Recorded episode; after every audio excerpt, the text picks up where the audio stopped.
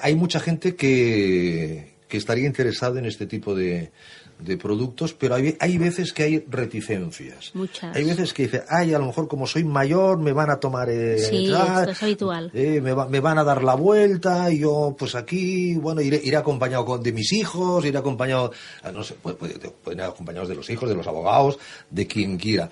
Pero entiende usted que, hay- que haya, que haya ese, Y tanto, ese, claro. ese temor, esa... Y tanto, ¿sí? y tanto. Sí, porque en su día hubo, realmente en su día hubo engaños. ¿eh? Ahora, para eso- precisamente, para eso estamos las empresas que nos dedicamos a esto, porque somos a- asesoramos a esa gente para hacer lo- el mejor producto posible para ellos. ¿no? Dentro del, pro- del producto, por ejemplo, renta vitalicia, que es lo Sí. más habitual pa- en, nos- en nuestra empresa, Sí.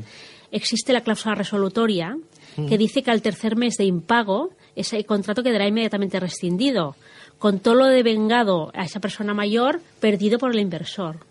¿De acuerdo? O sea, es, esa persona. Pues, O sea que si ustedes ah, llevan tres meses sin pagar, eh, pierden eh, todos los derechos adquiridos. Exactamente.